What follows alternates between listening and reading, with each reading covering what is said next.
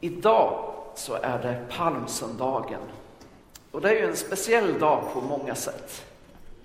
Och idag är den lite extra speciell för mig för det var nämligen på palmsöndagen förra året som jag predikade för första gången i den här kyrkan. Och det var ju innan det var bestämt att jag skulle börja jobba här som pastor. Så nu står jag här och bara förundras över hur snabbt tiden har gått och hur mycket som har hänt sedan dess. Men eh, jag tycker det är väldigt trevligt att jag får stå här igen på en palmsöndag och predika för er.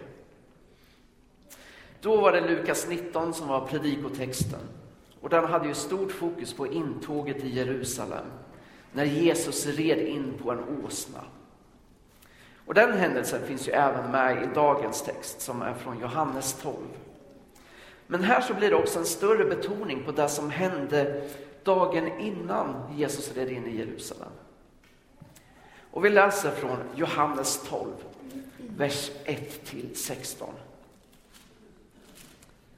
Sex dagar före påsken kom Jesus till Betania, där Lazarus bodde. Han som Jesus hade uppväckt från de döda. Man ordnade där en måltid för honom. Marta passade upp och Lazarus var en av dem som låg till bords med honom.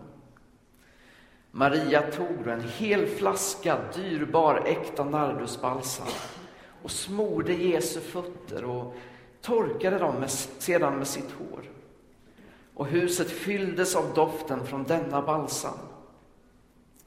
Men Judas Iskariot, en av lärjungarna, den som skulle förråda honom, sa Varför sålde man inte oljan för 300 denarer och gav till de fattiga?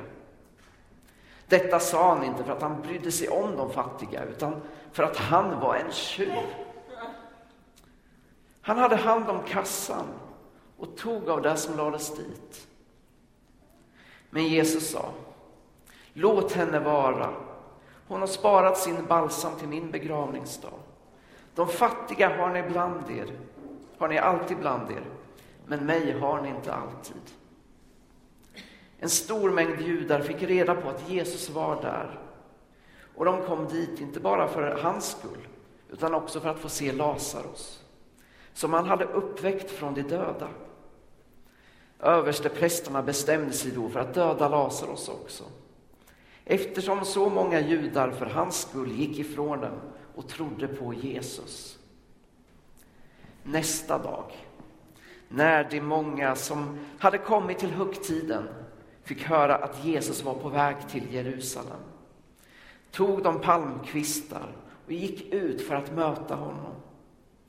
Och de ropade Hosianna, välsignade han som kommer i Herrens namn, han som är Israels konung.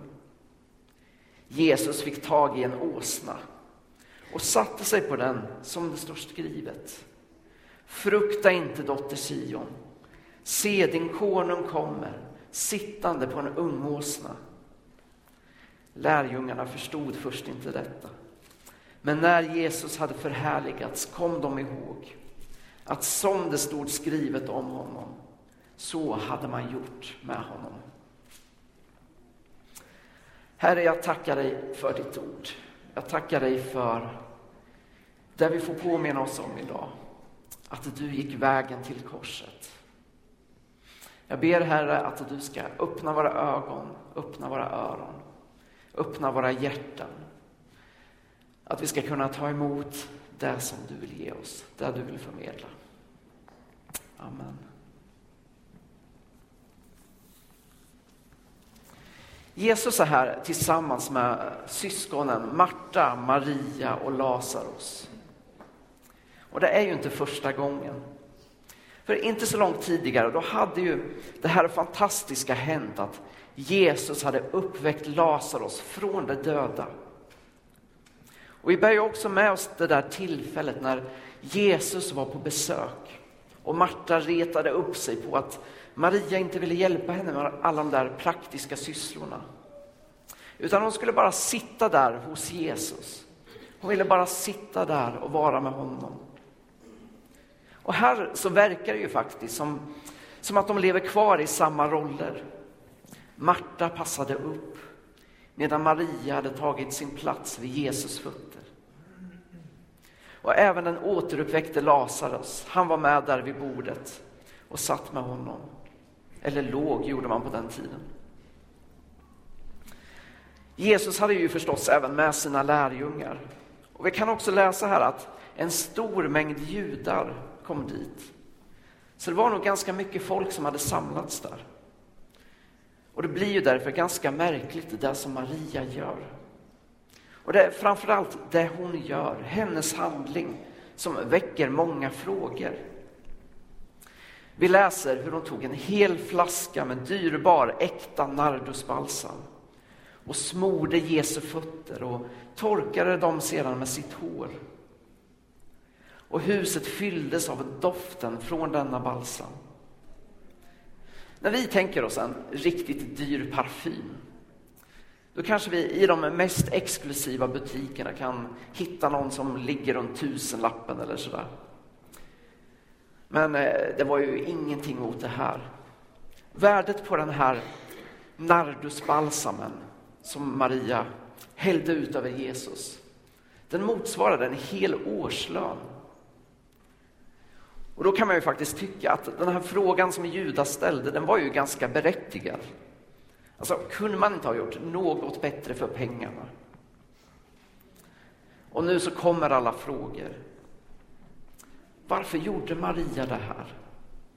Varför hade hon överhuvudtaget en sån där dyr balsam? Varför tillät Jesus en sån slösaktighet? Och fanns det överhuvudtaget någon mening med det här? Och i så fall vad? Om vi börjar med den här frågan om varför Maria hade denna dyrbara balsam. Då är det svårt att riktigt veta, men, men kanske var det något som familjen hade sparat ihop till för att använda när någon i familjen hade dött. För det var ju det som var det huvudsakliga användningsområdet. Att smörja in den döda kroppen med väldoftande balsam. Och hennes bror Lazarus, han hade ju nyligen dött. Och Maria hon var då helt förtvivlad över att Jesus hade kommit dit flera dagar för sent. Hennes tro den var ju så pass stark så att hon trodde att Jesus skulle kunna göra honom frisk då när han var sjuk. Men nu när han hade dött, då hade Maria helt tappat hoppet. Hon trodde att det var ute. Och sen kom Jesus och gjorde det här helt fantastiska. Han gjorde det omöjliga. Han gav Lazarus livet tillbaka.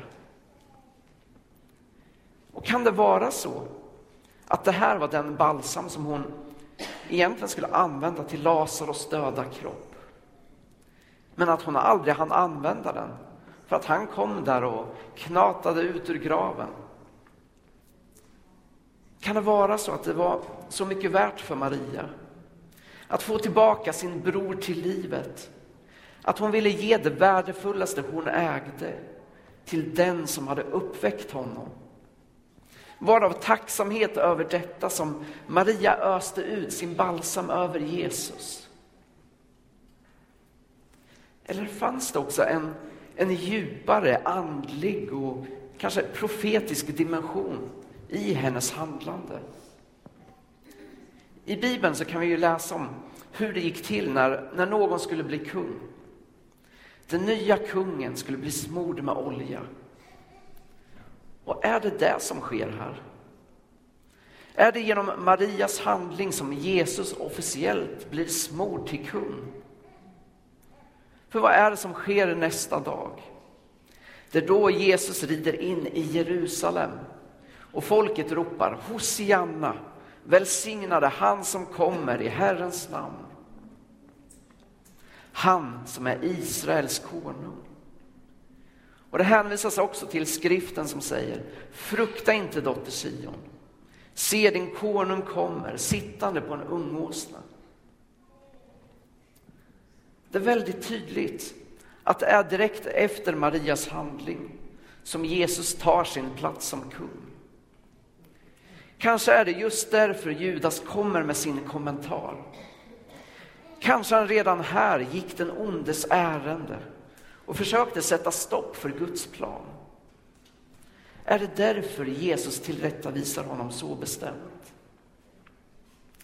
För om man bara ser till vad Jesus säger så kan ju det faktiskt uppfattas som det mest, om vi ser till det Judas säger, då kan ju det uppfattas som det mest kärleksfulla. Och till och med något som Jesus skulle kunna säga. Skulle det egentligen vara, inte vara mer likt Jesus att säga sälj oljan och ge till de fattiga? Men här så var det någonting helt annat som spelade in.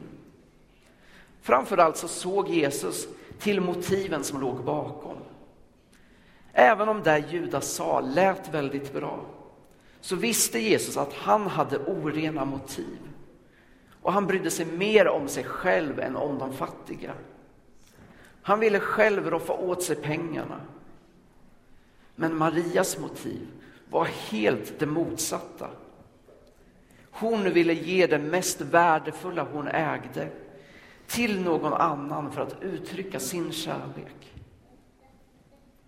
Var det det som var skillnaden mellan hur Judas och Jesus såg på det Maria gjorde? Judas såg någon som slösade bort pengar medan Jesus såg någon som slösade med sin kärlek. Det är ju svårt att säga att, att Jesus skulle uppmuntra oss till att vara slösaktiga med det materiella. Snarare är det ju tvärtom. Men när det handlar om att slösa med kärlek, då är det verkligen något som han uppmuntrar till. Det är ju faktiskt det som driver honom i allt han gör. Och det är det som är huvudbudskapet i allt han predikar. För han vet ju, han vet att ju mer vi slösar vår kärlek på andra, desto mer kärlek får vi tillbaka. Och det var också det Jesus så konkret visade när han den där påskveckan gick vägen till korset. Det som visade sig vara kärlekens väg. Det blev en kärlekshandling som var större än någon kunnat ana.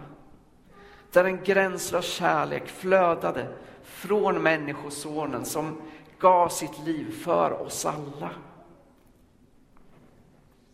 Och frågan är ju då vad vi är beredda att ge till honom.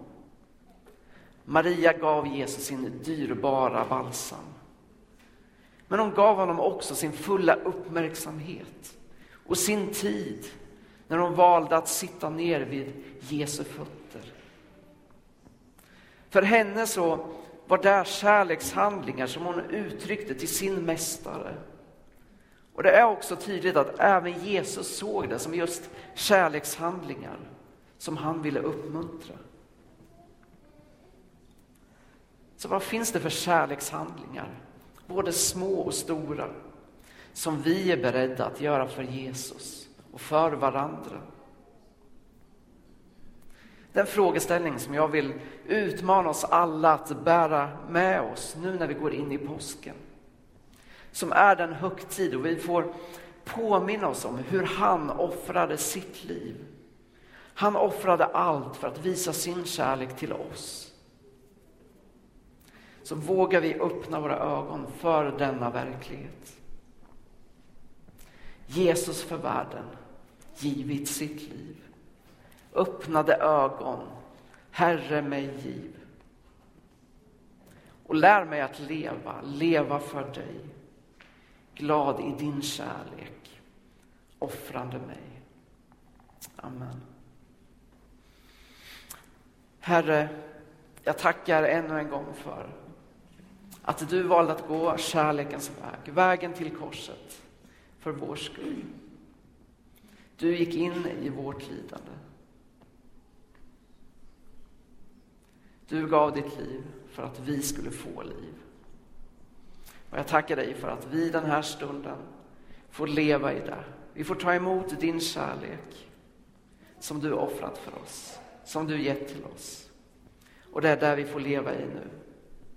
Och jag ber också att du ska hjälpa oss att, att ge den här kärleken vidare, både till dig och till varandra. Hjälp oss att se vilka kärlekshandlingar vi kan eh, dela med oss av. Så att vi får se ännu mer av ditt rike mitt ibland oss.